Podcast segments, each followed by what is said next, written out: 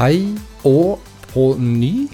Velkommen til Skiftesonen triatlonpodden, der du skal både få høre om og lære mer om triatlon. I dag skal vi i hvert fall gå innom og diskutere noe rundt noen nye regler som uh, Mikael uh, mener noe om, tydeligvis. Som vi har diskutert her før vi trykte på Tydeligvis, vi vet det allerede. Du skal vel bare informere reglene, så får vi se om Jo, jo, men jeg, jeg regner med at du har tenkt å diskutere, for jeg har jo opplevd deg sånt her i noen minutter før vi trykte på Ja, det kan bli spennende senere episoden i dag, da. Det er en skikkelig teaser. Nå fikk jeg liksom ikke den innledningen jeg hadde tenkt, men det, det er ikke så farlig. Det er ikke så farlig, For den, den dere hørte her, det var jo selvfølgelig Mikael Iden, som dere har eh, hørt før. Men vi skal ikke bare diskutere regler, vi skal òg høre litt om eh, det som har skjedd. Hans eh, kompis Christian Blummefelt har jo prøvd seg på sub 7. og Det tipper jeg at eh, 100% av disse, de som lytter på denne podkasten, har fått med seg det, hvordan det gikk. Og så har det vært eh, Leeds-løp nå i helga. Og det har skjedd òg masse annet, så det skal vi komme inn på. Skal vi Nei, vi skal ikke begynne med de reglene. Skal vi rett og slett eh, reise til eh, Start Elites, som eh, var nå eh, denne helga. Og da så jeg av en eller annen grunn at Litt overraskende følte jeg det var. At en Gustav Iden hengte seg på et sprintløp i Leeds, mens kort tid etter han hadde forberedt seg på å kjøre verdensmesterskap i Ironman fulldistanse, og mens vi fortsatt vet at han skal kjøre Kona etter sommeren, eller utpå høst-vinter. Og Mikael, eh, er det noe logikk at eh, Gustav prøvde seg på Leeds og sprint? Prøvde seg var jo absolutt det riktige ordet, for det gikk ikke så særlig bra. Um, ideen var vel at det var ikke så, eller det er ikke så veldig mange andre løp nå som fristet eller passet, og så uh, var det greit å bare hoppe på igjen på litt kortdistanse før det blir um, trening mot eh, sånn de PTO-løpene og, eh, og Ironman-VM, da. Så um, han var uh, sistemann i mål, da, så det er jo ja, Det var jo flere som ikke fullførte, da, så det var ikke så galt. Så han var sist i mål på 48. plass, og det er kun de som hadde DNF eh, som eh, kan bak han. Ja, de fleste av de krasjet vel òg, så. Ja, men, men, men du har ikke snakka mer om etterpå, men dette her var rett og slett bare for å få en konkurranse i beina, da, før han uh, vil kjøre PTO, som vel mer er Det er vel halvdistanseløp, omtrent, som er i oppkjøringen hans da til fulldistanse? Uh, ja, altså Det er jo ikke så dårlig resultat. Problemet nå med kortdistanse, spesielt på sprint, er at uh, det er så sinnssykt tett. Så veldig mange av de foran eh, han har jo samme eh, svømmetid eh, som eh, Gustav. Hayden Wild som vant, svømte bare ti sekunder fortere. Eh, en som kom på 16.-plass, svømte akkurat samme tid og var tre sekunder raskere enn Gustav i, i skiftesonen. Så det er liksom Det er så intenst høyt nivå på denne type konkurranseform nå at hvis ikke du treffer 100 eh, på svømmingen, så er du nødt til å treffe 100 på skiftesonen. Hvis du ikke treffer 100 på skiftesonen, så har du nødt til å trø så insane mye watt ut på sykkel. Eh, så vel det at han ene fra USA, eh, Seth Ryder, han ble 42. Han hadde vel sånn 400 watt første 4-5 minuttene. En ganske lett type. Eh, og han var helt kokt etter det og klarte ikke å løpe. Det er en fyr som har fått masse topp 20. Så marginene blir veldig små hvis du ikke er liksom absolutt den beste. Eh, så jeg satt liksom og så på løpet og tenkte at eh, det er nesten som man må begynne å eh, kreve at svømmingen på dette nivået er nødt til å være ett strekk rett fram. For du kan nesten ikke ha bøyer fordi det er så sinnssykt tett. Eh, det var jo en mølje med slåssing og herjing rundt det første bøyet der. Og du kan si at det, det er fair å være best å svømme, men det, det, uansett hva som skjer, så blir det ikke fair. Så um, det er en uh, in, intens sport blitt. Ja, det, det er det, men uh, Vetle da, han, uh, Vetle Bergsvik Tårn, han stilte jo O på herreklassen og kom vel mer midt i feltet, må vel kunne gå an å si. Og Han lå jo hele, hele tida foran vel Gustav. Ja, altså her ser du marginene. Han svømte tre sekunder fortere enn Gustav, men så hadde han raskere skiftesone, et par sekunder, eh, og gjorde at han kom med i gruppe tre. da. Gustav kom aldri inn i noen gruppe. Eh, ja, så Vetle kjører et helt OK løp. Uh, ikke noe mer enn det. Så ble jo nummer 35 her, så det er liksom ikke det er ikke helt det store, da. Um, løper, løper ok, men, men, igjen, det blir liksom uh, det, det, er veldig få sekunder opp. Altså ett minutt opp, så er, det, er du topp 30, og så ett minutt til, så er du Eller under det, så er du, er du langt der oppe. Så det er veldig, veldig små marginer. Det er det det er blitt.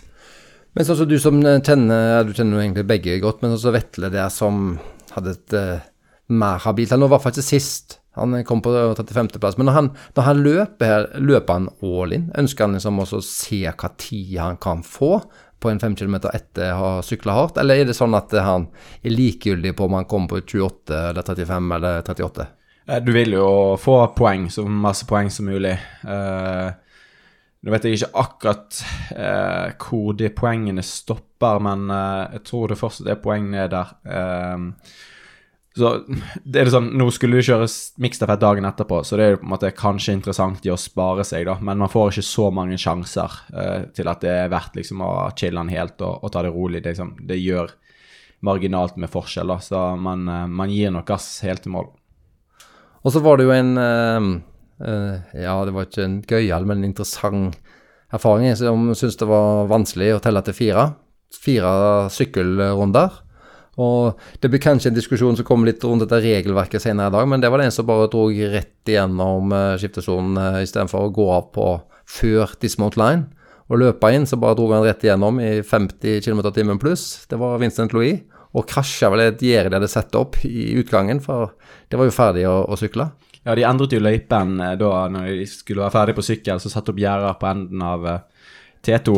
Uh, og der fulgte han motorsykkelen ned og hadde ikke fått med seg at Leo Berger hadde sluppet for å ta av seg skoene. Eh, så det kunne gått mye verre enn de gjorde, da.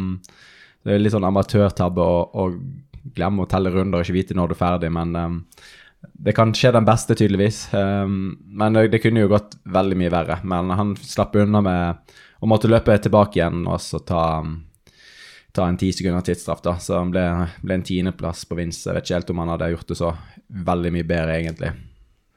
Nei, det var i hvert fall eh, Det ble både litt komisk og det så litt farlig ut òg. Fordi at det var jo Han krasja jo i dette franskgjerdet og flytta det vel fort et par meter bakover. Ja, ja det som, men det som jeg reagerte liksom på sendingen og nå, nå skal jeg ikke være han som bare snakker stygt om sendingene hele tiden, men det er jo helt utrolig at man ikke klarer for eksempel å få med seg velten som Alexi og, og um, Jonathan Brownlee var med i på TV. Altså Det virker som at de har én motorsykkel som filmer, og den ligger foran syklistene. Altså Og drar de to da eh, med litt hjelp av gårde. At man ikke klarer å ha flere motorsykler der ute. Klarer å tilrettelegge løyper forhold til filming. Og har et kamera bak hovedgruppen hele tiden. For det er, det er helt horribelt at de ikke klarer å få det med seg. Og så på sendingen sier de at jeg tror vi har fått en velt, for nå mangler vi noen i gruppen. Uh, og at den informasjonen ikke går rett videre til kommentator, syns jeg er ja, det gjør det veldig lite interessant å følge med, egentlig, når man ikke får med seg noen ting som helst, og at de klarer å være de ikke klarer å følge opp tidene hele tiden ut av og inn av skiftesonene, så vi hele tiden kan følge med på de som kommer bak. For det er jo det som er litt av sjarmen med sporten vår, sånn som skiskyting, er at noen kan være bedre i én gren enn en annen, og da må vi nesten vite hvor nummer 40 er på ut i løypen og, og avstand dertil. Så det er, et, det er et stykke å gå ja, på, på disse sendingene. Ja, for eh, det er vel egentlig der ofte spenningen ligger. Det er vel ikke så å følge en leder, men det er vel også å se hva som skjer bak. Om det er noen som kan, kan komme og gjøre noe, om de kan komme og påvirke, om de, eh, om de sitter i et startfelt og tar inn mye. Ja, jeg skjønner ikke hvorfor de liksom har uh, leid inn helikopter for denne sendingen her. Det jo, var jo det mest meningsløse de kan ha brukt penger på, for det er jo skog over hele løypen. Så de kunne heller brukt det på ti flere motorsykler og stasjonære kameraer. Så som jeg har sagt før, de må vende tilbake igjen til det ene kameraet og få med seg alle passerer, ellers så har du null oversikt over det som skjer i løypen. For her var det faktisk ganske interessant å få det med seg. og Det var ikke det var intenst, men det var rolig nok til at det hadde vært mulig å fått med seg alt som skjedde hele tiden. Sånn drama som krasjing og velt, det tror jeg det var færre av på dameklassen. Men eh, det var jo to norske jenter med der. Og det var ingen som var så dårlig som eh, Gustav, i hvert fall. De var, klarte, vel, klarte seg vel ganske OK.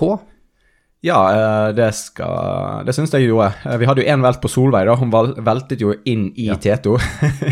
Eh, Så litt komisk ut, det òg, da. Jeg vet ikke helt hva som skjedde der, om hun eh, bare hadde for høy fart når hun skulle hoppe av sykkel, eller noe som lå i veien.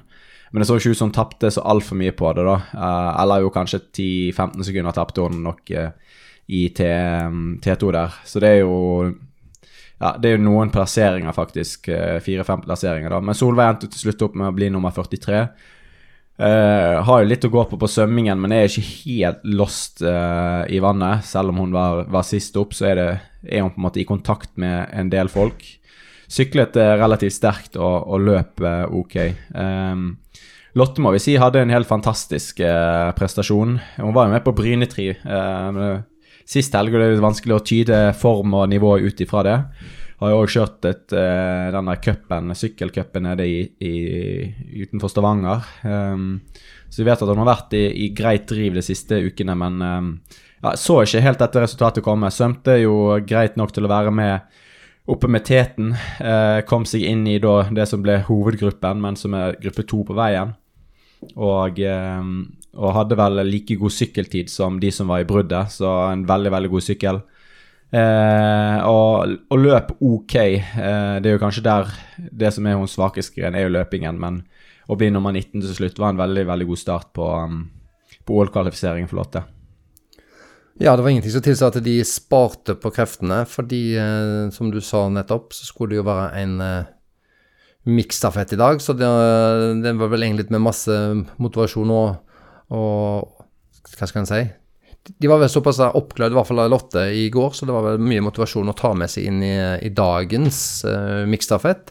Og det er jo et format, bare snakket om det før, fordi det er jo kvalifisering mot uh, OL. Og vi hadde jo håpet å få med et uh, norsk uh, miksstafettlag til OL.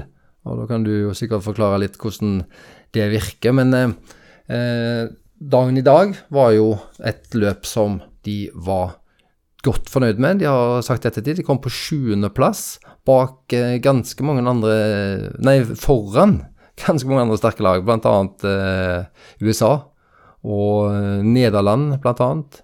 Danmark skulle nesten til seg, selvfølgelig, men at eh, Hvordan var løpet i dag? Um, det var jo en ny format, kan man si. da. Man begynte med herrene i dag uh, istedenfor å begynne med damene. Så avslutter man med damer. Og det, det var flere som sa at de var usikre på hvordan det kom til å påvirke løpets gang. da. Eh, nå er det vanskelig å tyde sånn ut ifra dagens løp om det kommer til å bli sånn for alltid, da. men det var veldig jevnt, veldig lenge. Noe som det ikke alltid har vært når damene har startet først. Eh, det har vel heller vært unntaket. Eh, så ut eh, gjennom hele første etappen så var det eh, stort sett alle med. Eh, Vetle, som kjørte Norges, for Norge på første etappen, var med i teten. Var oppe og dro litt, grann, til og med. Eh, venner, eller veksler, eh, ja, greit med, da. Jeg taper litt på løp, men eh, vi er i kontakt. Eh, så gjør Lotte etappe nummer to. Jeg har tre beste etappetider. Sykler seg opp igjen da til gruppe én. Får faktisk en luke inn i skiftesonen og gjør en eh, grei figur der. Taper litt på løp, men ikke mye. Ehm, så er det Gustav som er etappe tre. Um, mister litt uh, tid i vannet. Uh, her er det litt vanskeligere å, å følge med hva som skjer, da, siden kameraet ikke så mye på, på der Norge er lenger. Da. Uh, men vi taper litt tid gjennom hele etappen der, da, men det, det er fortsatt greit nok. Og så er det Solveig på siste og har egentlig en, en ganske grei avslutningsetappe og etappetid. Og vi blir til slutt nummer syv, da. Så det, det er et uh, veldig oppløftende resultat. Um, så um, får vi alle i litt bedre form, og det skal de ha inne, så er vi plutselig konkurransedyktige. Men denne distansen, eller disse distansene som en kjører på miksstafett, er er den absolutt er den satt, eller varierer det fra konkurranse til konkurranse? Den er litt sånn svevende eller flytende. eh, Så han er rundt 300 meter på svøm, og så er det rundt 8 km på sykkel. Av og til litt mindre, av og til litt lengre. Og så er det eh, 1500 meter på, på løpingen. Noen ganger lengre der òg. Ofte så er siste etappen litt annerledes pga. den skal løpes inn til mål. Så det er rundt de distansene. Altså de bruker rundt eh, 20 til eh, 23 minutter. 19 minutter av og til. Fordi når jeg fulgte med der i dag, så, så slår det meg det at eh, hvis du først har kommet litt ut av det, eh, og du har en, eh, eksempel en sterk kandidat på en øvelse, så, eller på en av etappene, så er det veldig begrensa så mye du kan ta igjen. Spesielt hvis du ikke er i denne gruppa. Så hvis du på sykkelgruppa kommer litt i Ingemannsland, så er det jo såpass hurtig og intenst at du, du får ikke tatt igjen så mye. Nei, det gjør ikke det. Og det ser du òg på vanlig triatlonformat, sprint og olympisk, er at eh, farten er så høy at det, det er ekstremt vanskelig å kunne få, få tatt igjen tid og distanse der. Så um, eh, Spesielt nå som det var så store avstander gjennom løp Nei, så få avstander gjennom løpet, så um, eh, så det blir store grupper. Mens tidligere har det vært eh, mye større avstander fra starten av, og da kan du ha f.eks. en superetappe med med Vincent Louis eller noe sånt som det, som gjør at man faktisk kan ta igjen tid på andre litt svakere nasjoner. da. Men man ser jo det at konkurransen, eller triatlonsporten på kortdistanse, har jo hevet seg ekstremt. Sånn, Tyskland stiller jo med helt, nei, to helt nye mann eh, som gjorde det bra individuelt. Britene stiller med eh, andre utøvere, kan man si. Um, så det, det, det, er veldig mange nasjoner som har veldig stor bredde nå. Eh, Nederland òg. Så ja, vi skal jobbe hardt for å holde oss eh, der som vi er. Og da var det jo eh, Tyskland som faktisk eh, vant i dag, den eh, team relayen foran Storbritannia, og Frankrike på tredjeplass, var det vel. Og Norge som nevnt på sjuende, foran f.eks. For USA på niende og Nederland på tiende. Så det var jo sterke nasjoner bak Norge i dag. Så er vi fornøyde. Er dette her noe poeng de får med seg til OL nå? Er dette her hva løpet i dag Kan det være avgjørende for om de kommer til OL? Nå skal det være en World Series, da, så dette er første World Series i mikstafett. Um, så her kan man enten kvalifisere seg til OL gjennom denne serien med å, med å ha en god ranking, uh, eller man kan kvalifisere seg til OL på et sånn enkelt kvalifiseringsløp, samme som vi kjørte da i fjor. Um, og så kan man da kvalifisere seg med å ha da to utøvere av hvert kjønn til OL. Så det er flere måter å komme seg til uh, mikstafett uh, i OL nå, da. Um, så vi må vel gå for, for alle mulighetene for å ha, for å ha sjansen. Så vi ser Sverige i dag, da. De hadde én utøver som var syk, så de kan ikke stille lag, for de har ikke noen reserve mm. der. Så ser man England, da, så hadde to utøvere som krasjet ut i går. Eh, de to beste herrene sine. De har mulighet til å stille, for de har nok reserver tilgjengelig. Sånn, hadde Norge hatt én utøver som krasjet i går eller ble syk, så har ikke vi sjanse til å stille til start. Så vi, har en, vi er veldig sårbare da når vi skal reise lang, langt vekk for å konkurrere. Altså, vi må nesten skal være 100% sikkerhet, da, være tre stykker hvert kjønn på alle løp for å være garantert at vi klarer å stille, eh, stille lag. da. Så det, det, det, er masse som kan gå, gå gale, da, for å si det på den måten, hvis vi skal se på det sånn. Men med både han Brownlee og Lee, Yi, Alex Yi, som krasja i går og ikke sitter i dag, så kommer de allikevel på en annenplass annen plass, noen få sekunder bak uh, førsteplassen i dag. Så de har jo tydeligvis et meget sterk nasjon. Det er en svær idrett, denne den her. Det var Leeds. Det var gøy. Og så var det denne din gode venn Christian Blumenfelt som var i eh, aksjon og skulle kjøre en Ironman-distanse, og han skulle klare den under sju timer. Eh, der var det vel bror Brownlee som vi snakka om, som eh, jeg, jeg, sier bare Brownlee for at jeg, jeg, jeg mikser de to navnene på fornavn. Derfor sier ikke noe om det. Men han ble vel skada. Du snakka om det siste episode, at du var litt usikker på om han kom til å stille om han var syk eller skada. Og inn kom en eh, superreserve, må jeg kunne gå an å si, Joe Skipper, som eh, skulle eh, kjøre. Og med ja, vet ikke hva forventninger vi skulle ha, men eh, vi trodde kanskje, håpte kanskje at de skulle klare sub 7. Og det gjorde de vel til de grader. Var du fornøyd? Var du imponert, eller var det som, som forventa?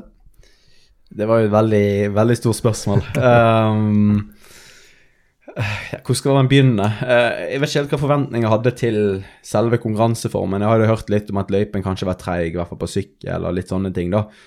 Uh, og jeg vet liksom litt til gruppen som arrangerer det, så det er liksom vanskelig å få, liksom få inntrykk av hvor stort dette egentlig er, da, for det er jo egentlig en veldig liten liten gruppe som har stått for dette greiene, da. Men jeg må si at det, det, det funket bra, det konseptet der. Og de hadde ganske bra sending, og Ja, det, det virket rett og slett ganske proft. Um, men jeg, altså jeg klarte jo ikke å se mer enn 20 minutter sammenhengende før det liksom ble kjedelig, da. Uh, det, det, var jo ikke så mye action, egentlig. Med mindre du på en måte bare syntes det var dritkult å se på. Og det var jo kult å se på syklingen. Det å se det kjøre lagtempo var jo det var, det var, stilig, og du fikk inntrykk av at det gikk fort, og som det absolutt gjorde, da. Han, eh, Joe Skipper, da, vi skal begynne å gå litt mot de resultatene, da, hadde jo 55,2 i snittfart på 180 km sykling. Joe som eh, ble spurt eh, syv eller åtte dager før konkurransen da, om han kunne være med, eh, som hev seg i det. Han har jo samme da agent som er, er, de som arrangerer. Det samme har jo Cat Matthews, så det er en grunn for at de på en måte blir blir valgt inn til dette, da.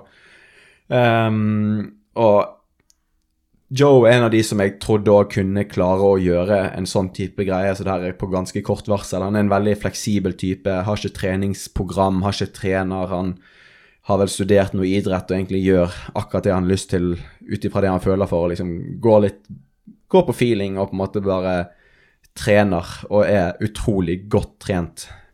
Så um, jeg må si han imponerte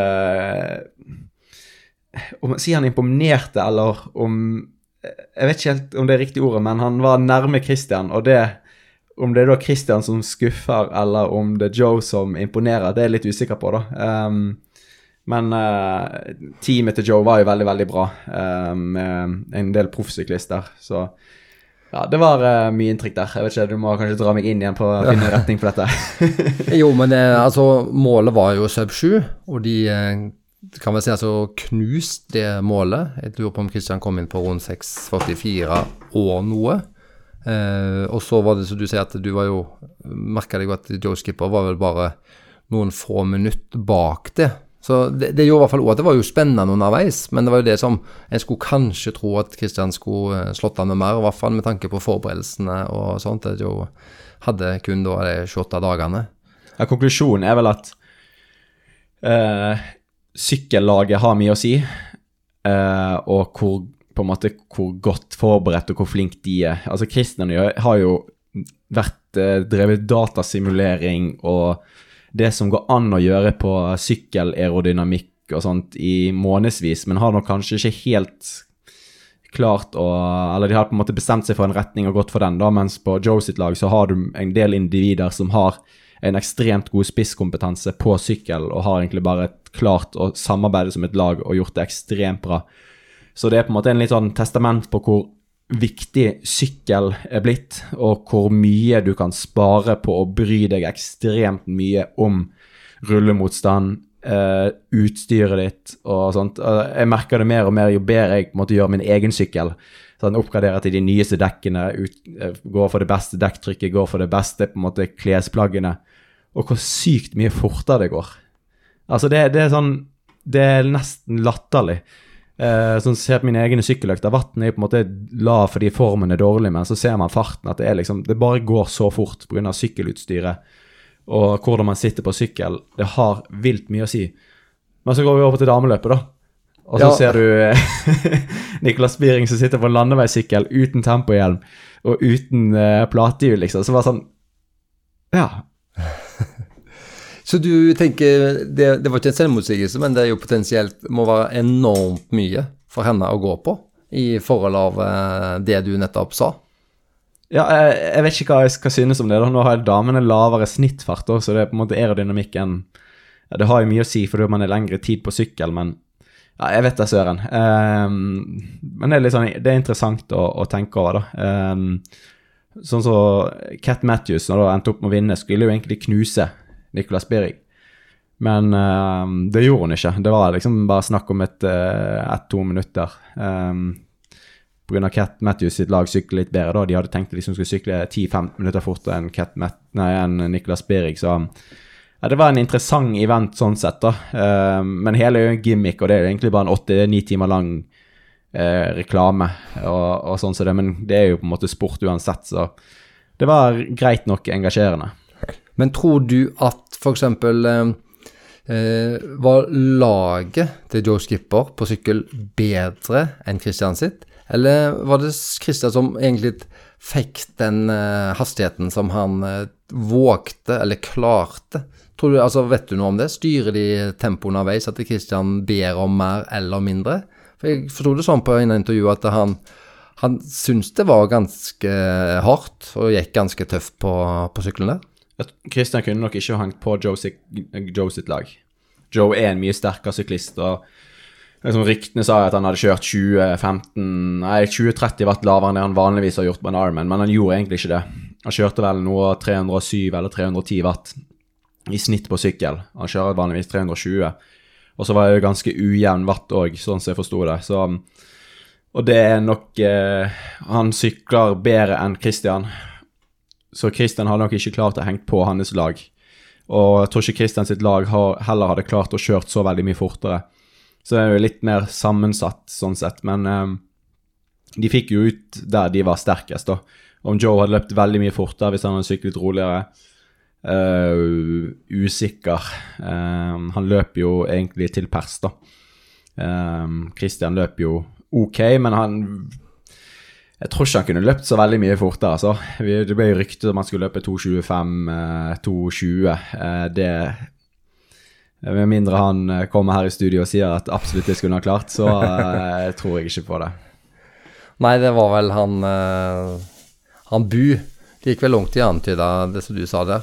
2025 Nei, 2.25 kanskje litt lenger ned, men det de måtte jo passere 2,5 timer til slutt likevel. Ja, det, det, er veldig mye fortere. Det er veldig mye fortere, det, det. men det er jo uansett ganske fort, da. Ja. Eh, nei, det var jo gøy. altså, så Christian og jeg forsto det jo sånn at han eh, Eh, måtte jo ha noe pause etterpå. Eh, så mye tror du det har å si for han nå i hans forberedelser eh, framover mot eh, VM Kona og sånt? at er, det, er det skadeutsatt? Er det bare energilagene som er tomme, eller er det, eh, er det farlig for han å kjøre så hardt nå? et lite halvår før Kona, eller er det helt uproblematisk til hans videre forberedelser? Jeg får da absolutt ikke håpe at det er farlig. Eh, det er vært fryktelig kjedelig. De fleste kjører jo noe løp i denne perioden. Sånn som i dag, så går jo det en amerikanske mesterskapet da på Ironman. Så det er jo en del som kjører der. Så det uh, Det skal i utgangspunktet ikke være det.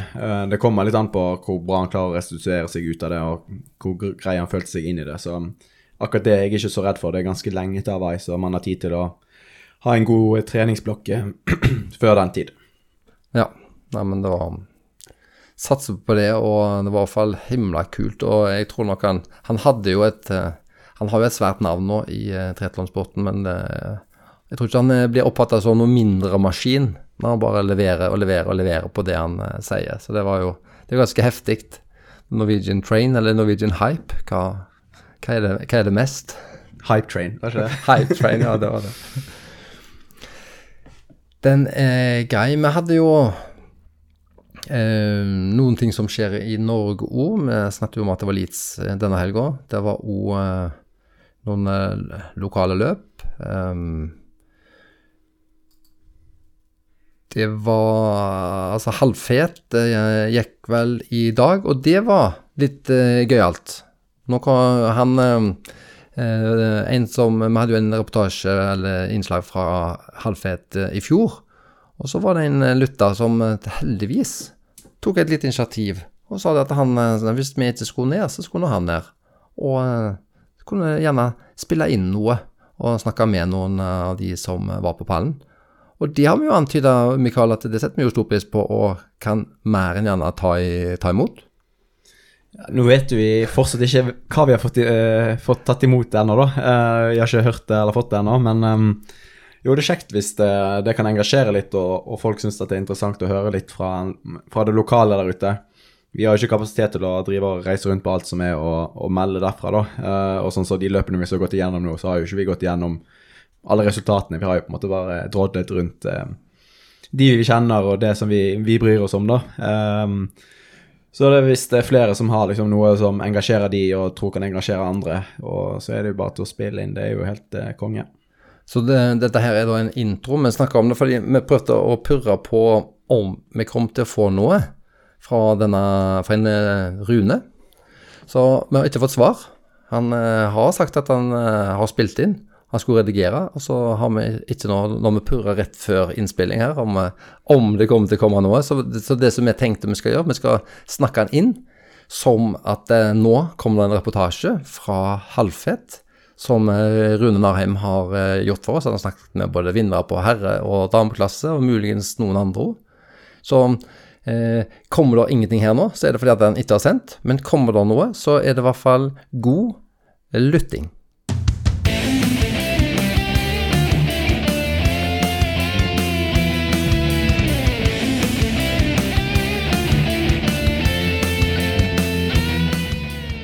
Ja, da står jeg her med Werner Haalien, arrangør av Halvfett gjennom eh, mange år. Du, du sa litt om at det var 100 stykker i fjor. I år er det Nå var det 77 påmeldte i år, 77 påmeldt i året. så det har gått litt ned, da. Ja. Krasja litt med andre arrangement. Ja. jeg. Så bra. Så det, Det er fortsatt eh, bra oppmøte, og det er, folk er ivrige. og det er noe av det fine med dette arrangementet er jo at det er veldig lav terskel og lave skuldre, så du kan komme like før. og ja, I hvert fall det jeg har satt pris på. i hvert fall de gangene jeg har vært med. Ja, det var påmelding helt inn til i går kveld. Det var Ja. flere som eh, meldte seg på, så det, Kjempebra. det er nok en del som ser han været litt, og så Ja. ja. Det vil jeg tro. Fikk turen da. Ja. Nå ser vi de første begynner å komme inn her. Hva tror du, tror du det er Kjell Magnus som kan stikke av med i dag, eller hva tenker du? Det er, han er vel en av de heteste kandidatene, vil jeg tro. Ja. Ja. Jeg tror det. Men uh, han er nok ikke fremst på svømming. Nei. Han har vel ikke vært den sterkeste der noen av de årene har vært her. Nei. Men Hvor han- mange år har dere arrangert nå? Jeg tror dette her var det tolvte året nå. Tolvte året? Ja. Kjempebra. Jeg tror Kjell Magnus er den som har flest år her. Jeg tror dette her blir hans sjuende år her. Ja, så gøy. Så han er fast, eh, fast inventar her. Han, Ja, Dette er jo For oss her på Østlandet så er dette en sånn kjempefin gjennomkjøring sånn tidlig på sesongen. Så det er jo kanskje det du opplever òg, at det er eh, Ja, det er jo mange som satser Norseman, da, som kommer Ja. hit både for å kjenne litt på vannet og få, eh, Ja. få ja, kanskje ikke veldig tøff løype, da, men eh, litt litt kupert og variert. Ja. Det er ja, det jo litt, kan jo være litt kaldt på svømminga, og så er jo sykkeldelen veldig, veldig real, syns jeg i hvert fall. Og så har du jo løpedelen som er litt tøffere løpeløype igjen, men eh, Ja. det er jo veldig fin løype. Ja da, det er jo variert, da. Vet du, har du veit noe om hvor temperaturen på vannet er i dag, eller?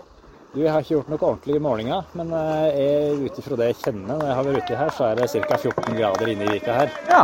Og så er det nok drastisk kaldere uti her, Ja. der flomvannet kommer forbi. Ja. Nå tror jeg egentlig ikke temperaturen er det verste, for det har vært varmt i forkant. ja.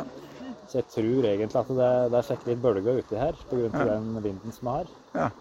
Jeg var her og svømte forrige helg, faktisk. For å svømme gjennom uh, løypa og sykle gjennom og løpe. Og da var det, når jeg så på klokka etterpå, så var det 16-17 grader i vannet. Ja. Eh, inne i vika, og så ble det litt kaldere lenger ut, da. Ja. Så det er jo ikke så gærent, det. Nei da. Det har vært vesentlig kaldere. Ja, jeg tror nok dette her er et av de varmeste år vi har Ja. hatt, faktisk. Det har vært mye kaldere. Det har vært et år der vi hadde 12 grader her inne, og da var det jo enda kaldere ute der. Ja, ja. Så, Jeg så på klokka mi i fjor, så tror jeg jeg hadde sju grader når vi runda rundt uh, øya der i fjor. Så det, det, det kjente du i ansiktet, husker jeg. ja da. Da var det sikkert en bra overgang som jeg har opplevd her mange ganger. Ja, ja, det var, det var akkurat det det var. Ja, Man får litt, eh, kan få litt problemer med å puste akkurat når man møter den veggen. Ja, Men det er liksom varemerket til halvfet har blitt nesten det. det er det, det. det, er, men det er bra. Nei, men Kjempebra. Det er som flere av oss har sagt rundt deg, et fantastisk flott arrangement du har. Og så takker vi så mye for at du gidder og hvert eneste år. Jo, takk for det. for fortsette med det. det. Jo da, men det skal jeg prøve. Det er jo moro at folk kommer hit, da. Det er det. Til vesle Gansdalen. Da står jeg med Marius Bjerkeseth, var det riktig? Stemmer, stemmer.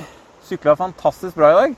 Ja, det var bra, bra sykling. Dessverre så sliter jeg med en eh, ankel som måtte kaste inn håndkleet rett etter, rett etter syklinga. Så det var litt kjipt Vi hadde solid ledelse, men eh, Ja, det Sånn syns jo vi som ser på òg, var jo litt irritert på det. Men eh, vi skjønner jo prioriteringen. Men Ja. eh, hva er det som kommer framover nå, sånn at du droppa løpingen i dag? ja, årets uh, hovedkonkurranse er med måned Ironman 73 Jönköping.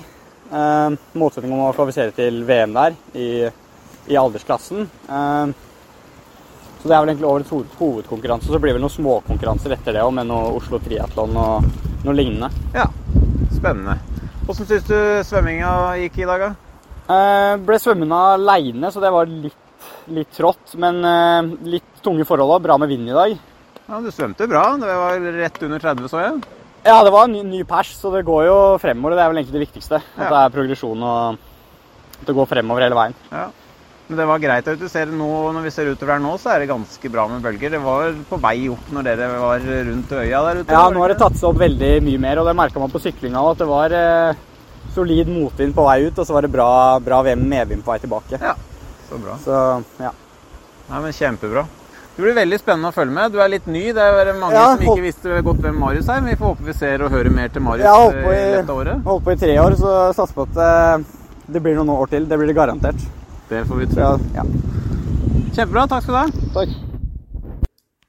Ja, da har vi fått alle i mål her på halvfett. eh, Og seier i dameklassen den gikk til Kaja Bergwitz Larsen på 4.58,42. Nummer to det ble Hilde Johannessen med 5.09,26. Og nummer tre det ble Lillian Dramsdal med 5.43,02. Og på herresiden så var det Kjell Magnus eh, Antonsen som gikk av med seieren. Han kom i mål på 4.18,37. Og nummer to, det var Kristoffer Angrer, 4.21,45. Der ble det en skikkelig kamp helt mål med Erik Blomdal som ble nummer tre, på 4.22,28. Da skal vi prøve å få til en liten prat med eh, de som kom på pallen i dame- og herreklassen, og høre hva de hadde å si om løpet i dag. Nå står vi her med Kaja. Gratulerer. Tusen takk. Seier i dag. Ja, litt overraskende, men det er jo alltid gøy. Ja, ja. Du har jo leda hele dagen. Først ut på damene på svøm. Først på sykkel og først på løp. Åssen gikk det? Eh, litt tung dag. Syns du det? Ja, jeg Ja. syns det er mye vind. Ja. var mer bølger enn i fjor når jeg har vært med de to siste årene. Men eh, veldig fin første konkurranse for sesongen. Så det Ja, var deilig å få en gjennomkjøring. ja så bra. Åssen gikk det på syklinga? Det var noen som sa det var eh, litt ekstra vind på runde to. Ja, det var en del motvind eh, utover, og så fikk du medvind tilbake. Ja, Eh, det er egentlig bedre at det er den veien, for Ja, da cruiser man inn til T2. Men, ja. ja. Kjempebra. Og løpingen? Ja, den gikk egentlig bedre enn forventet. Ja, Ja. Mindre varmt enn i fjor, og ja det var det jo. ja, gikk ut i litt kontrollert tempo. Det tror jeg lønte seg. Ja, så alt i alt fornøyd. Så bra. Hva er neste mål nå? Eh, nå er det NM i Sandnes om tre uker. Ja, det blir spennende. Det blir gøy. Så bra. Så håper jeg at det blir eh, like god stemning som det har vært i Haugesund de foregående årene. Det får vi tro. Ja. Tusen takk skal du ha. Det var Gratulerer med seier. Tusen takk. Da står jeg med si navnet ditt, du. Hilde Johannessen. Ja, Det gikk bra i dag? Eh, ja, det gjorde det. Eh, jeg var veldig spent på svømmingen, da. Ja. Eh, men det gikk greit. Syklingen er jo min svakeste. Ok, Syns ja. Det var eh, tøft i dag. Ja, jeg hørte det var ekstra mye vind på runde to. Så Ja, ja. Da sleit jeg utover. ja. Eh, Fikk du medvind hjem igjen, da? Ja, det gjorde jeg. Og så gleda jeg meg til å få på løpeskoene. Ja. Men eh, det er jo ikke noe lett løype. Nei, den er en Den tar i å være lett på syklinga, tar den igjen i å være tøff på løpinga. Så. Men du løste jo det bra. Du vet Ja. ikke, du, du lå vel på tredjeplass ut på løpinga, gjorde du ikke det? Før løpinga starta? Eh, ja, akkurat andre tror jeg jeg tok en helt på slutten på syklinga. Ja, ok. Hvis ikke det er noen Kom jeg inn som nummer to? Du kom inn som nummer to, Ja, det ja? gjorde jeg. ja, nei, da tror jeg jeg løp ut som nummer to. Ja, ok. Og har ligget eh, mye alene, så på et punkt så lurte jeg på om jeg hadde løpt riktig. Takk. Eh, men så fikk jeg besøk av en fra Oslofjord her på andre runden. Så, Så vi prata litt, og så Ja. vips, så var det to kilometer igjen. Så bra. Ja. Gratulerer så mye. Det var kjempebra gjennomført. Takk. Jeg er fornøyd. syns eh, arrangementet er bra? Ja, eh, første gang i fjor. Ja. Veldig gøy. Greit å prøve seg litt før sesongen. Og, Ja. Hva er sesongens store mål i året? Det er Tallinn. 6. Ja. mars. Nei, 6. august. 6. august, ja. Ja. ja, men det er litt tid til. Det er en veldig god sesongstart, det her, da. Ja, veldig. Så er det to uker, så er det Elsinore. To uker så er Elsinore, ja. ja. Der blir dere mange fra Norge. Ja, det er Så det mulig. gøy, det. her er utsatt nå, er vel andre året, ja. Ja. Så jeg har venta på den. Ja. Ja. Jeg har bare forstått at det er mange som skal nedover fra Norge, så det blir jo gøy. Ja, men det er jo kjempegøy. Ja, det blir gøy. Det så det er bra start, det her. Ja. Jeg håpa på 1,40 på løpinga og tror det ble 1,39,58 eller noe. Så ja, det må være, da er det veldig innafor, det, da. Så ja, nei, det er gøy, det. Ja, men det blir gøy. Ja. Da får du fortsatt flott sesong. Takk. Takk det samme. Vi er med Lillian, som kom på tredjeplass i dameklassen. Gratulerer. Tusen takk! Yes! Bra. Gikk det bra? Ja, ja, Ja, Begynn med svømmingen. Hvordan gikk svømmingen? Eh, Jeg gjorde det for første gang uten hansker, så jeg var veldig spent på hvor kaldt det skulle bli siden jeg har sånne forferdelige innlener. Men det gikk ganske OK. Så bra. Så jeg tror at jeg hadde min raskeste svøm i det her, denne konkurransen. Ja. Hvor mange ganger har du vært med her? Det her er den tredje. Ja. Uten at det var så veldig fort. Men, eh, men eh, jeg hadde den Du Det har holdt ut en tredjeplass, så det kan ikke ha vært så gærent. Vel, jeg vet ikke helt hva jeg skal kommentere det, men For jeg er ganske jevn. Så det betyr at de, og de som er raskere enn meg, ikke var her i dag. Nei, ja, det er en erkjennelse, det òg. Du kan ikke slå noen andre enn de som starter eh, på eh, startstreken. Helt riktig. De var tross alt ikke her.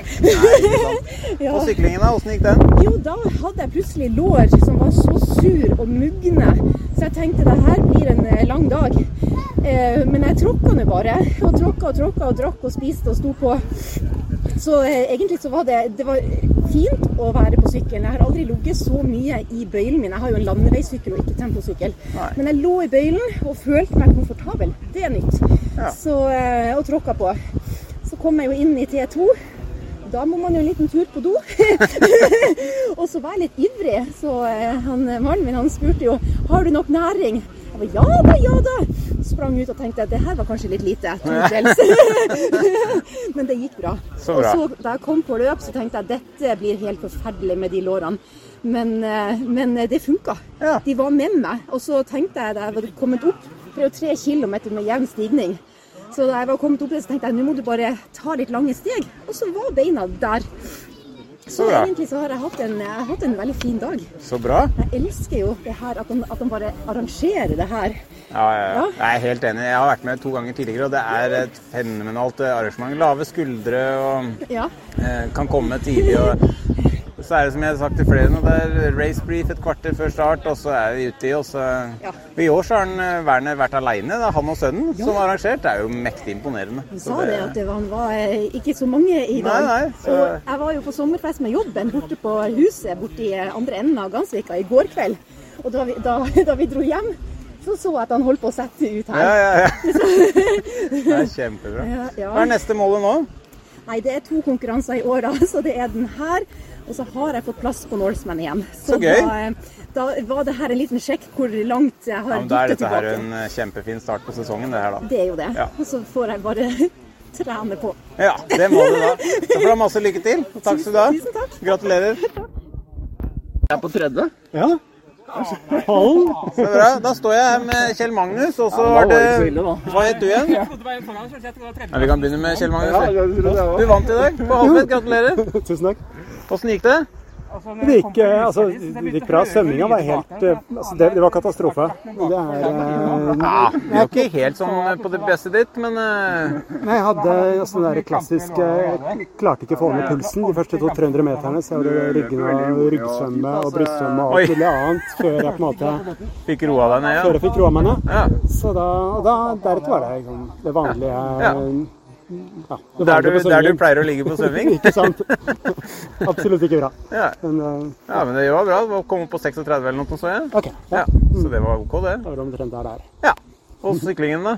Syklingen var helt uh, nydelig. Uh, det var bortsett fra han som, som ble det. Ja, Marius, ja. Som, Ja. ja, som, som tråkka på, som, som var det. Så, Mye vind på andre runden altså. Ja.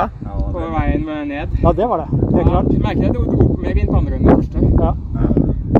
Men det er, det er en nydelig, bølgende, fin sykkelløype. Så Ja, det er jo det. digger- Det er en veldig bra sykkelløype. Mm. Den er rask. Ja. Så bra. Svømming, og så var du på løping her. Du var litt overraska, skjønte jeg, over at du plutselig leda. Ikke sant? Nei, det var eh, Nei, det- gikk utkontrollert. Ja. Eh, ikke lyst til å gå på en smell, så det var eh, Men eh, nei, det funka, funka veldig bra. Eh, ingen kramper og ingen hold og ingen noe, noe som helst. Det var bare flytt på. Så bra. Mm. Nei, du må gratulere så mye. Det er jo gøy at eh, Kjell Magnus eh, kunne det. Han, eh, Werner sa du var en av de som hadde vært med flest ganger. Det var sju ganger eller noe? Ja, stemmer. Jeg var med var de, de seks første.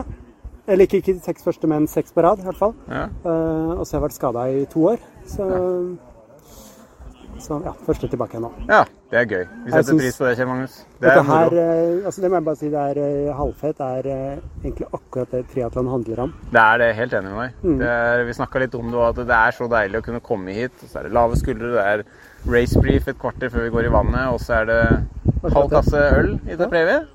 Enkelt og enkelt. Akkurat sånn skal det være. Eh, Og Werner hadde ingen hjelp til i dag, sa han, så det var han og sønnen som arrangerer. Det funka, det, ja. Så enkelt kan det gjøres. Ikke Det er eh, helt suverent. Ja, nei, jeg syns det. Helt, Nei. helt Ja, kjempebra. Mm. Takk skal du ha. I like måte. Så bra. Da står vi med Kristoffer. Jepp. Ble nummer to i dag på Alfred. Kjempebra. Tro det eller ble det. Debut. Ja, Er det debut i dag? Ja. Ja, I det hvert var fall debut på da. Ja, det var litt ukjent navn. Har du tre- drevet med triatlon lenge, eller? Nei, jeg var med i Norseman i 2014. Ja. Eh, og så har jeg på en måte alltid hatt en plan om å gjenta det. Så det blir eh, comeback eh, i år, da. Så, Så bra. da må man sette oppfølgingsløp også. Ja, da er halvfett veldig fint. Absolutt. Ja. Det er veldig tilgjengelig og et enkelt og godt arrangement. Så det var Ja, jeg er helt enig med deg. Lave skuldre og kan komme like før. Og, ja. Men det var første gangen du kjørte halvfett? Ja. Hva syns du om løypa i dag? Åssen gikk det? Nei, det, svømmingen gikk egentlig over all forventning. Det var litt sånn choppy sjø, faktisk. Ja. Eh, Men jeg perset ganske greit på svømmingen, så det er jeg veldig fornøyd med. Eh, Syklingen var kanskje litt under paret i forhold til hva jeg har på den beste. Og så er løpet litt kupert, da, så man må jobbe på den. Ja, Men eh, det ble holdt inn. Ja, nei, det sykkelløypa tar jeg for å være lett, så vi tar jo løpeløypa igjen på den harde. Absolutt. Ja. Får ikke noe gratis der. Nei, det gjør ikke det. Nei. Men totalt sett så er du fornøyd? Absolutt. Eh, Jeg kjørte Haugesund i 2017 og da gikk jeg på 4.27. Det er 4.21 nå, så med tanke på at ja, Det er kjempebra. det er comeback-løpet, som jeg er fornøyd. Ja. Men da føler du at du er i rute til Norseman senere i år? Får håpe det. Ja, men Det blir spennende. Da gleder vi oss til å følge med. Takk. Takk skal du ha. Da står vi her med Erik Blom Dahl, ser jeg. Det var litt ukjent navn for meg. Ja. Det er, sjelden, det er sjelden jeg er på pallen. Så bra. Det pleier å være gøy? Ja. Det var kjempegøy. Jeg hadde en god dag òg, jeg. Ja. Så Nei, det var uh, utrolig kul sykling. Ja, så bra. Fordi det blir så høy fart. eh, Ja, ja. ja. Det var litt sånn eh, underlig for dere tre som kom på pallen, for Marius leda jo ganske bra på sykkelen, men han hadde jo bestemt seg for ikke å løpe uten at vi visste det.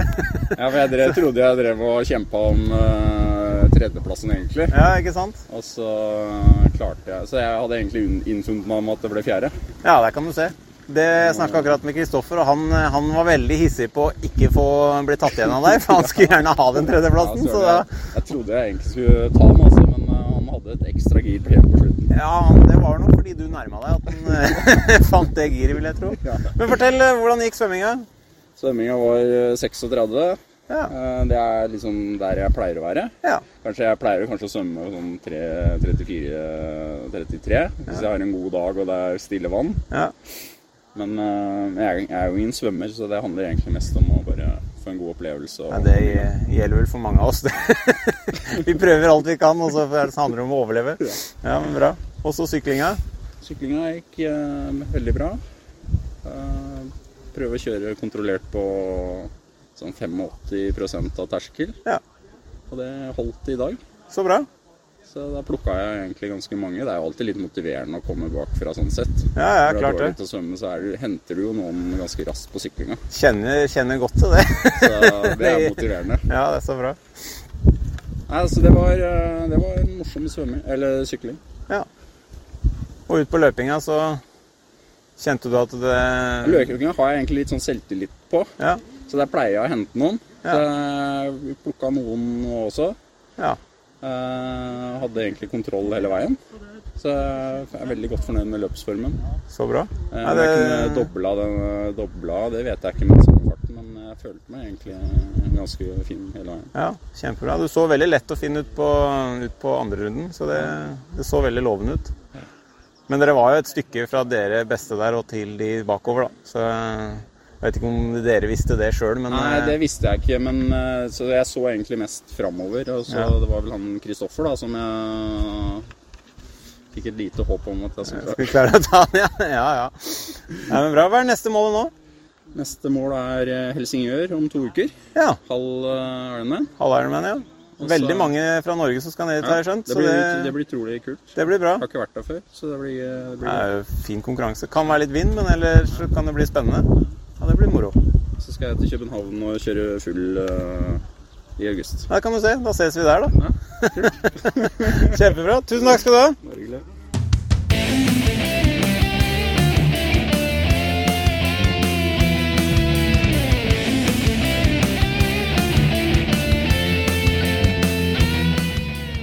Ja, det var forhåpentligvis intervjuet som eh, Rune Narheim gjorde etter halvfet.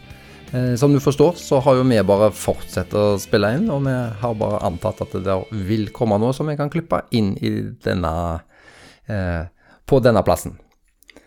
Eh, en annen ting som eh, skjedde denne helga, var akvatlon på Kalvøya. Og vi hadde jo eh, Gunhild Berntsen med som gjest fra Bermsvømmerne, der de har fått et veldig fint eh, miljø rundt med triatlon i Bermsvømmerne, som vi hørte i episoden, som sagt. Og det var der eh, løp eh, i dag, eh, og det var eh, akvatlon i altså distansen, eh, eller det vil si, det var svøm, og så var det løp. Og når vi nå etterpå skal komme inn på regelverket, var ikke det noe som de eh, eh, tok opp på tinget rundt nettopp å få endra på regelverket i denne når det gjelder rekkefølge? Jo, eh, Bærum har virkelig vært på jobb her, og, um, eller Bærumsvømmerne som heter, eh, har virkelig vært på jobb. eh, og i regelverket ja, Frem til i fjor så var vel da akkurat noen løp, svømløp, av en rar grunn. For ofte internasjonalt så konkurreres det svømløp, og det er veldig mye enklere å arrangere. Så de tok jo dette opp på tinget og fikk da endret akvatlon til eh, svømløp som da gren. Og det var jo helt konge, for da kan du ha open water-svømming ute. Og på normal distanse, som det var nå på NM, så er det da to kilometer svømming. Og så er det da ti kilometer løping. Så um, for Petter Ellingsbø så tok det akkurat litt over én time. Eh, han vant da eh, NM Elite for herrer foran Ole Rasmussen Vestbø. Og så en gammel kjenning, i hvert fall et par år siden, så kjørte han eh, Så kom på tredjeplass, litt 70,3 løp rundt om i Norge. Morten Urdal Bakke kom på da på en sterk eh, tredjeplass da på 1.08, altså åtte minutter bak Petter Ellingsbø. Eh, For kvinner elite så var det Elbjørg Moxnes som eh, tok seieren foran Stina Menike. Um, der var det bare to stykk som stilte i eliteklassen, men det var jo en del som stilte da i, i da age-gruppe-klasser, da. Så her skulle det vært en eh, smart dame som tok og elitestempel istedenfor. Da hadde de fått en eh, hederlig medalje. Men det får eh, de ta neste gang, så nå har dere lært tipset der. Det er jo et veldig fint eh, tiltak. Tenker du at eh, akvatlon er, er det en konkurrent til triatlon, eller er det en, egentlig en god rekrutteringsarena til triatlon, eller er det bare en, en, en, en egen eh, gren, på en måte, en, en egen greie? Jeg syns det er et godt supplement til triatlonkalenderen. Um, min store drøm er jo at akvatlon kan gjerne starte sesongen i april-mai. Sånn at man eh, gjerne da svømmer i basseng, da, eh, for å ha det enklest mulig å arrangere. Og så kan man gjerne ha noe duatlon i samme periode, før da triatlonsesongen eh, åpner i, i juni. da, For vi er jo en veldig kort triatlonsesong vi har i Norge. Det er, det er juni, litt ut i juli, og så er det august, og så er det plutselig høst, og så er det ikke noe mer sesong. Så eh, en utrolig bra tiltak av eh, Bærumsvømmerne å få dette på plass. Eh, så får vi satse på at eh, det klarer å komme opp flere arrangement. Og det er jo en veldig enkel konkurranseform å ha, hvis du har da basseng og gode løpemuligheter utenfor. Så det får vi se om det blir mer av neste år.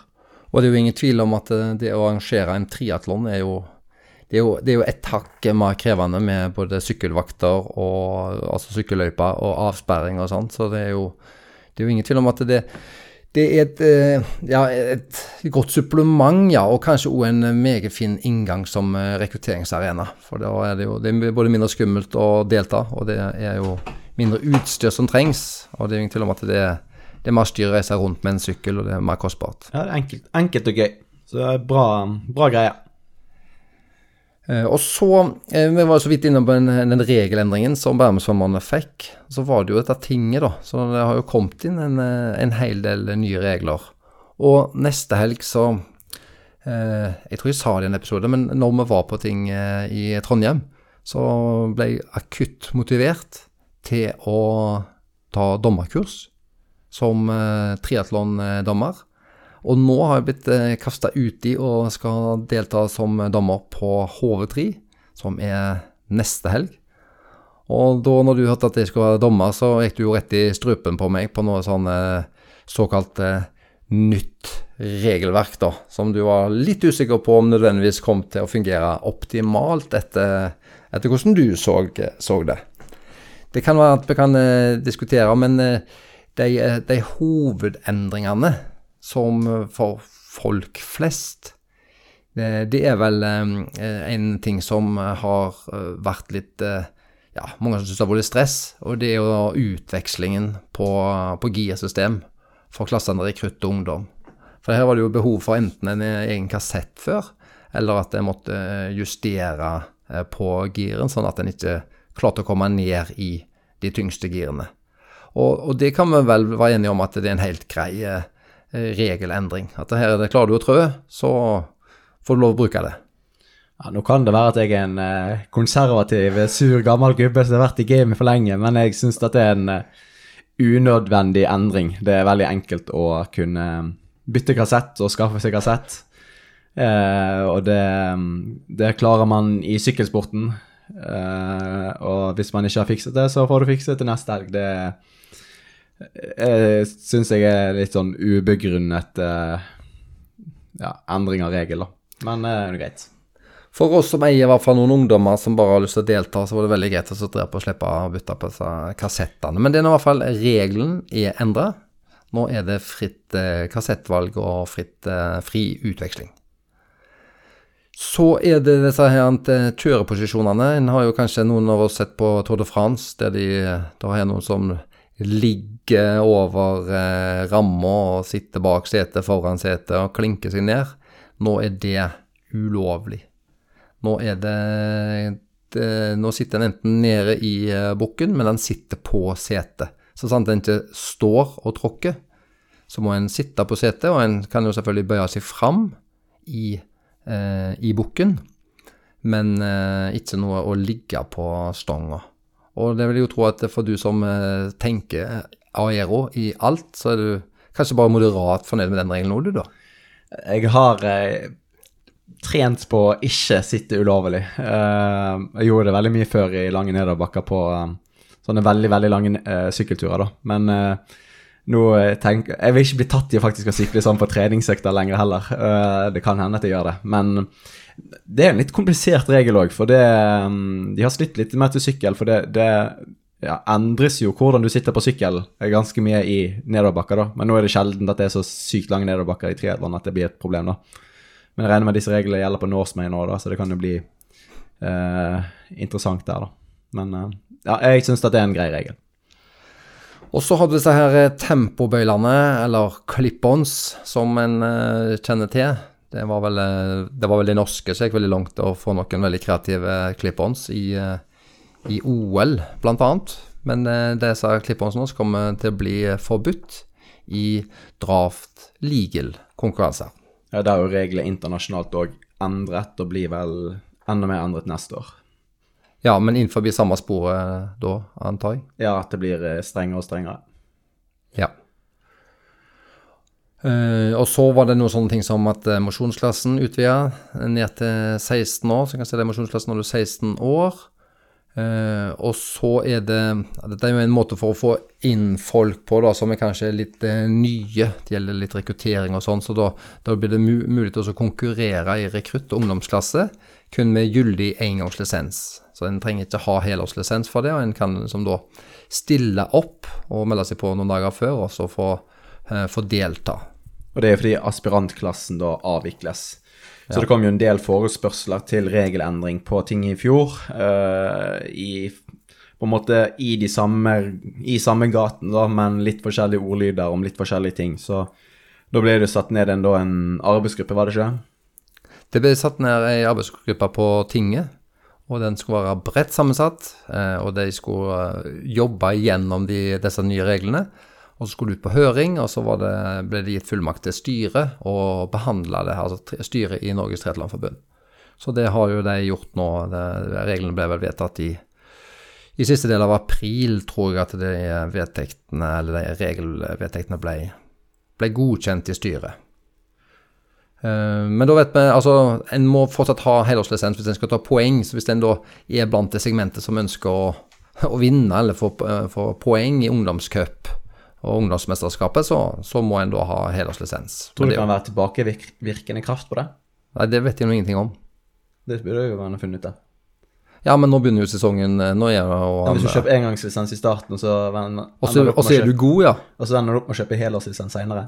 Ja, det var et godt spørsmål, fordi at du, det viste seg at du var veldig god. Hadde du da lyst til å kjøre mer allikevel? Ja. Jeg vil tippe nei, men eh, det ble kun, det ble kun gjetting. Da får jeg oppfordre alle til å ha helårslisens, så blir det slipper man for den problemstillingen. Ja. Men så kommer vel det vi eh, kanskje nå kommer til å så um, skape noe debatt. Og det er da eh, en regel som er sånn at det vil ikke bli brukt noen sanksjoner i klassene rekrutt og ungdom. Det vil si at eh, regelverket, regelverket er der, men det blir ingen sanksjon og ingen diskvalifisering og ingen tidsstraff eh, eventuelt hvis du bryter de. Ehm, og det var du litt usikker Du var ikke bare litt usikker, Mikael. Der var du eh, egentlig klar på at det var en teit regel. Eh, nå er jo ikke jeg dommer og har ikke lest alle Jeg kan vel reglene, men har ikke lest alle reglene i sammenheng, så jeg skal være litt forsiktig med å uttale meg. Så jeg tenker at du skal få lov til å forklare det som det erstattes med, før jeg åpner munnen min. Ja, da, da kan jeg starte med det du det vi erstatta med. Men uh, du kunne jo problematisert det litt, grann, sånn uh, uh, på et eller annet vis. Men um, det var Altså, ingen diskvalifisering vil skje. Og det, det har jo vært noen, en hendelse eller to der det er folk som har vært litt uvitende, litt nye i gamet, som har blitt diskvalifisert. Og det var jo sårt sikkert for alle parter, og det var tanken at det, dette er ikke måten å rekruttere på. Og da måtte det ja, da kom i hvert fall dette her forslaget til, til tinget, at en burde se på det. Eh, men så er det jo fortsatt sånn at eh, regelverket er der jo. Du blir bare ikke straffa for det. Og da eh, er poenget at reisbrifen her blir jo sannsynligvis et Eller det blir helt klart noe av det, det viktigste i forkant. Det er jo fortsatt pliktig å møte på reisbrif før konkurranse. Og da vil jo det Altså regelverket, hvordan det er, og hvordan det vil, eh, skal praktiseres, det vil bli gjennomgått. Og så er det fortsatt sånn at eh, du, du har plikt til å rette deg etter tilsnakk eh, fra en eh, dommer. Så det er det som er poenget, at du vil få tilsnakk, og du vil få en såkalt eh, stop and go, der du eventuelt blir orientert om hva som ikke var greit, hva du gjorde feil, og før du får lov å fortsette. Og det er nok grunn til å tro at det kan eh, skape en Det er ikke en straff, men det vil nok òg hefte deg i, i noen grad når du da blir eh, tilsnakket av en dommer, og du må stoppe og høre ferdig hva som var problemet. Så um, det var Det er egentlig regelen, da, rett og slett for å unngå at noen kan bli diskvalifisert der det både blir sårt og, og egentlig et helt feil. Når det er kanskje noen som bare er med på engangslisens og er med på første gang og syns at de er nysgjerrige på idretten. Høres ikke det ok ut da, Mikael? Nå er jo du fotballdommer, hvis ikke folk vet det, og du er engasjert for dette her idrettspolitikk og det som er. Men eh, jeg føler at uh, dette her uh, blir uh, verre enn sånn som det har vært tidligere. Jeg har så mange punkter nå, jeg vet ikke hvor jeg skal starte. Um, for det første så er det ikke sånn som det her regler internasjonalt, så vidt så jeg vet. Så å ha særnorske regler syns jeg er en dårlig idé hvis vi skal på en måte bli internasjonale utøvere. Eh, punkt nummer to som jeg kommer på, eh, er hvordan skal dommerne klare å følge dette opp? Dommerne sliter allerede nok med å få med seg det som skjer, og kommunisere til en, en, eh, en tavle der det står startnummeret ditt på. Eh, så du skal være flere dommere som kjapt skal kommunisere med hverandre for å kunne eventuelt gi en tidsstraff i T1 eller T2. Og det blir veldig problematisk. Eh, spesielt hvis det er da fire utøvere som har gjort en, et, en saks, eller noe som er da eh, ulovlig og skal få tilsnakk. Hvordan skal du kontrollere at alle disse fire utøverne da får en straff eh, på mest mulig fair vis? Nå har jeg sånn hermetegn, for det er jo dette, dette skal være en mer fair måte å, å eh, lære regler på. Ehm, for hvis du har en dommer som er Sverre Flatebø, som bruker lang tid på å snakke og kommunisere og skal ha øyekontakt, mens du har kanskje en litt mer enkel dommer som sier beskjeden din kjapt og greit, og så er du ferdig med det, så er det to ulike straffer som, som foregår, da. Eller sanksjoner eller rettelser, eller hva vi skal kalle det. Um, nummer tre er kommunisere med folk som konkurrerer. Hvordan skal du få det til? Og, og, og eh, sånn så Det er jo en sanksjon Altså, du kan jo få en sanksjon hvis du ikke kjører sanksjonen, men du kan ikke forvente at en, da, en ny utøvere som er midt oppi en stressende situasjon, eh, skal klare å høre etter på det som skjer rundt en. Det blir for mye å be om, eh, spesielt på sykkel. Sykle i 40 km i timen. Så skal du i tillegg da påføre en faktor der du skal ha eventuelt en stop and go eller kommunikasjon med dommer. Det syns jeg blir veldig rart. Eh, jeg har jo nok, jeg har trent av sånne utøvere, og det å prøve å kommunisere med de i skiftesonen, spesielt hvis de er ny, er håpløst. For de skjønner jo ingenting, da. Eh, og da er det faktisk bedre å gi dem en tidsstraff, for det er mye lettere å kommunisere. Her er en tavle. Her er nummeret ditt. Du er nummer ti. Nå må du stoppe ti sekunder. Det har man bare gitt beskjed om, og så tar man ti sekunder straff, og så er man ferdig med det. Og tok man ikke straffen sin, så blir du disket. Fordi man kan velge å ikke høre etter på hva dommeren sier. Det er faktisk eh, veldig mulig. Du kan gjøre som Vincent Louis, sykle gjennom hele skiftesonen. Til første og beste plass, finne skoene dine, sette fra deg sykkel og kjøre av gårde. For hvis dommeren står med mountline, eller dismountline, så må det stå en dommer ganske klar med sykkelen for å stoppe personen i etterkant, eller skal du stoppe den på løpingen og så gi en beskjed? Da kan du stoppe det skrikende mens personen løper, og gir beskjeden. Så jeg syns det, dette blir bare mer rot og røre. Nå er det sjeldent mange deltakere på uh, supersprintkonkurranser, uh, så det burde jo ikke bli et problem. Så jeg overdramatiserer, eller uh, overdriver jo en god del nå, men jeg syns det blir en veldig rar retning å ta det i. Uh, hvis man nå skal påpeke at brifingen, der får du lære alt, så har jo det vært sånn tidligere òg. Du har jo fått lære alt på brifingen. Så at det skal på en måte gjøre det mer riktig, det syns jeg blir helt feil. For du har fått vite alle reglene på brifingen tidligere. Og hvis du ikke klarte å følge det i konkurransen, så klarte du ikke å følge det i konkurransen. Så det, det, vil ikke forandre den tingen. Å ha en dommer som forteller det til deg underveis eh, Ja, jeg syns nå det blir en veldig ufair måte, egentlig. For du kan faktisk ende opp med å, å ha EM-uttak basert på et ungdomsmesterskap. Og da står det veldig mye på spill. Og da kan man velge å sykle gjennom skiftesonen. Uh, for eksempel, eller tjuvstarte, hvis man skal være veldig usportslig. Men det er konsekvenser man, som man kan få av dette. Greiene. Så jeg, jeg syns ikke at det er riktig retning å ta det. Da er faktisk tidsstraff mye mer fair. Diskvalifisering mye mer fair. Uh, for det er, det er ikke lek og opplæring vi skal ha i konkurranse. Sånn sett, det er konkurranse. Så da får det heller være vi trenere og foreldre som setter seg i regler og følger mye bedre med på brifing, hvis det er det som har vært problemstillingen tidligere. Ja, jeg uh, gikk vel langt i å varsle at her kunne det komme en uh, Ikke en uenighet, men en diskusjon. Så uh, jeg måtte skru ned volumet ditt faktisk på, på mikken. Nærmere og nærmere mikrofonen. Ja, mer sånn som det, ja. Nei, men jeg skal ikke forsvare noe. Altså det som er, er Du har jo masse gode penger. Altså du har jo vært ute og konkurrert. Du har hatt ungdommer med, og, og, og, og eldre òg, for så vidt. Jeg vet jo at hjernen blir som en peanøtt når han er ute i eh, konkurranse. Det er både stress og alt sånt. Eh, og det å følge opp eh, er, kommer til å være interessant. Altså Nå er jo sesongen akkurat eh, i gang, og en kommer til å gjøre erfaringer. Eh, vi har, skal dømme på hodet, bl.a., så skal en jo snakkes i forkant. Hvordan skal en eh, løse dette i praksis? Kommer vi til å få til å løse det hvis det dukker opp hendelser som er aktuelle for, for dette her, som ikke er en sanksjon, som ikke er en tidsstraff, ikke diskvalifikasjon, men som er en stop and go med tilsnakk fra, fra dommeren. Vil vi få det til? Eh, du har jo nevnt før fire stykker som tjuvstarter. Når skal en ta de? Eh, har nok kapasitet i, i eksempelvis skiftesonen.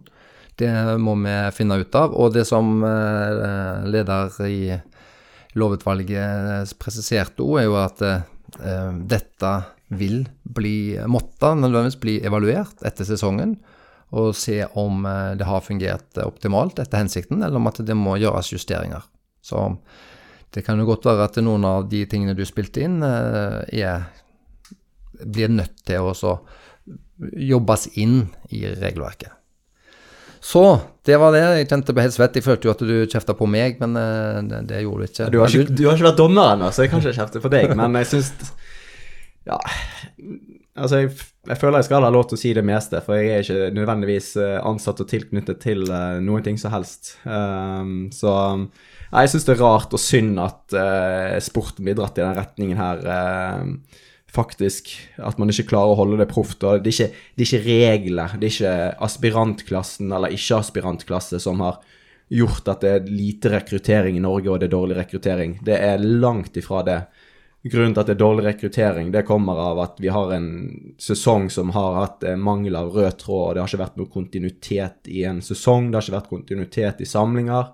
Eh, Det har ikke vært kontinuitet i klubbarbeid, og da er det det som er problemet, ikke, ikke konkurransereglene våre. De har vært eh, mer enn fine nok.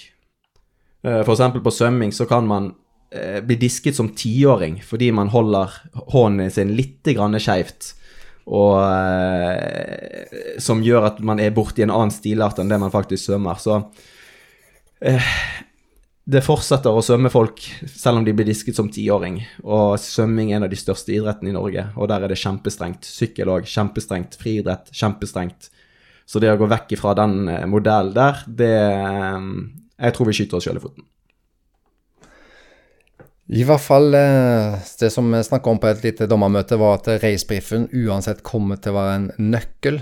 Vi må være gode i forkant. Det gjelder jo både dommerne og arrangørene, selvfølgelig. De må, de må være tydelige og fortelle hva som eh, forventes, og hva som skal gjøres.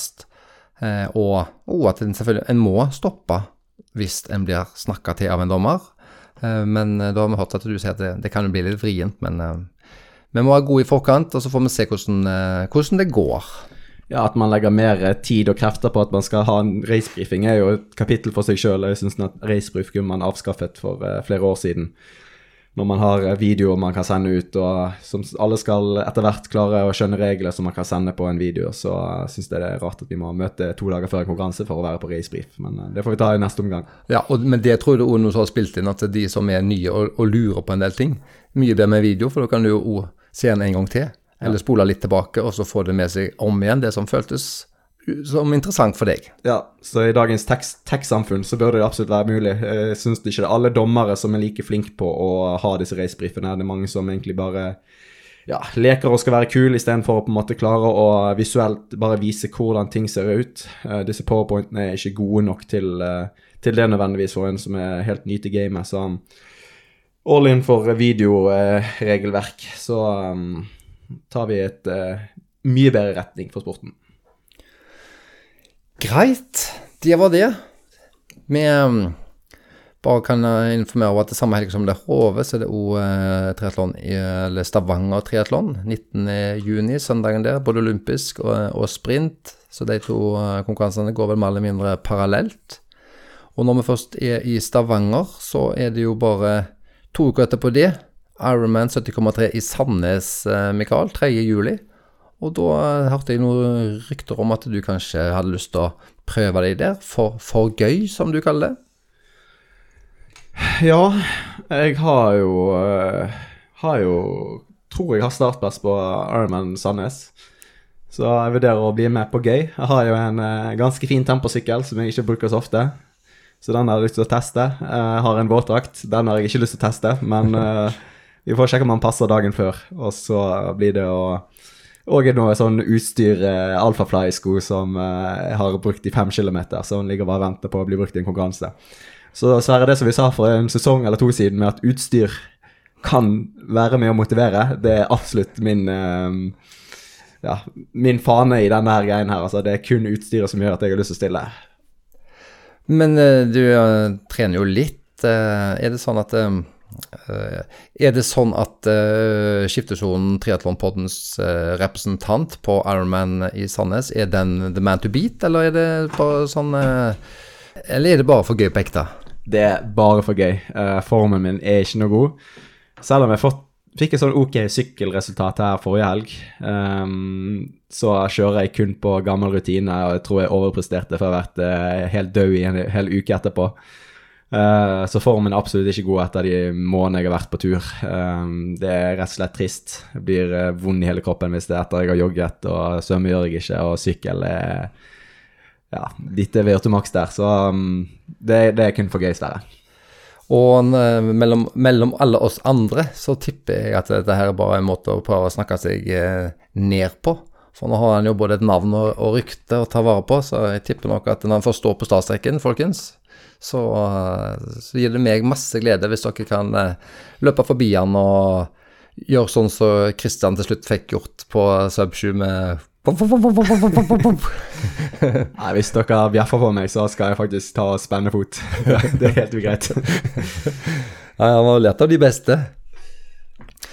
Den er grei, da. Det var Ironman Sandnes, og håper det blir et fint arrangement, og at det er et arrangement som vi får ha veldig lenge.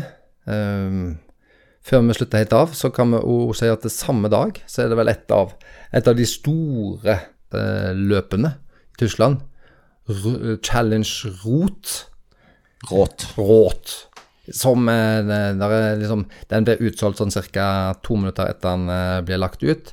Eh, og der eh, vi har folk som er kjenner skal men så plutselig så er det noen eh, meget sterke navn som har funnet ut at de skal kjøre rot, og nå er plutselig ikke ja, The Goat, hvis, vi, hvis han ennå er det. Jan eh, Frodeno er plutselig eh, til start, sammen med masse andre eh, Patrick Lange og den, den, vår danske venn Magnus Ditlev, Sebastian Kienlia, um, Sam Long, som er jo en skikkelig skoier, som er god i uh, triatlon. Det blir jo plutselig et uh, gøyalt race å kunne følge med på det. Ja, det er mange løp nå. eh, Det er så mange løp nå hver helg. eh, I dag så, eller i helgen så har det vel vært Ironman i Australia, det er Ironman i USA, og det skal være Ironman hele tiden, så vi klarer ikke å dekke alle, men denne her eh, er en liten gulrot, siden Jan Frodeno da er med. Um, men vi ser jo nede i startlist, startlistene at Allan Hovda òg er påmeldt, så Ja. kanskje det er han som skal få skal få mulighet til å slå eh, Jan Frodeno for første gang. Så første nordmenn slår eh, Jan Frodeno. Uh, nei, litt for spøk til, alvor, så uh, tror jeg Allan har trent mot dette noen perioder. Ikke, skal ikke si det helt sikkert, men han har jo slitt litt med hjertet um, sitt, så jeg er litt usikker på hva status er der nå, da. Men eh, det er veldig bra startfelt der nede. Um, og ja, Jan er jo skadefri nå, visstnok. Skal være sånn cirka. Og konkurrerer jo alltid for å vinne.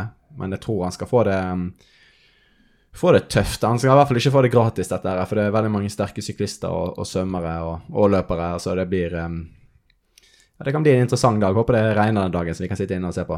Eller da har jeg satt disse armen min, søren heller. Skyldte seg i mål. Du skal nå ut og løpe sjøl, så Ja, jeg skal var- få med meg alt. Det var sånn det var. Det, det skal jeg. Nei, men det blir gøyalt. Den blir gøyal. Da er vi kommet til 3. juli, og rundt de tidene der så må vi nå vel klare oss å snakke sammen igjen. For vi klarte å snakke sammen i dag ganske relativt kort tid etter sist gang. Så nå eh, er vi litt i, litt i ruta igjen. Ja, men vi siger. Da, Mikael, jeg tror eh, vi gir oss med, vi gir oss med eh, en, en shout-out som jeg har hørt noen liker å bruke, til, til Rune. Rune Narheim, som lagde dette innslaget fra Halvfett. Vi har ikke hørt det når vi snakker nå, men eh, jeg syns det var litt kult at han eh, tok et sånt eh, initiativ og ville, ville få det til og ville gjøre det. Han mente på at det kunne være interessant for flere og de som både kjenner de folkene og de som var der nede.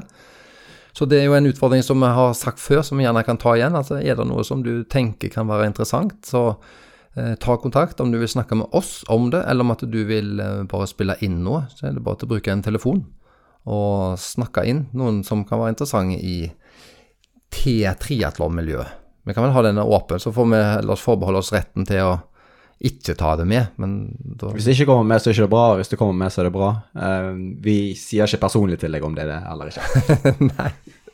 Nei, men dette her skal jo ikke være så bra. Vi har jo snakket om det. Vi skal, det er viktig at vi, vi må ikke levere et for godt produkt, for da blir vi så stressa at da tør vi ikke lage noen episoder sjøl heller.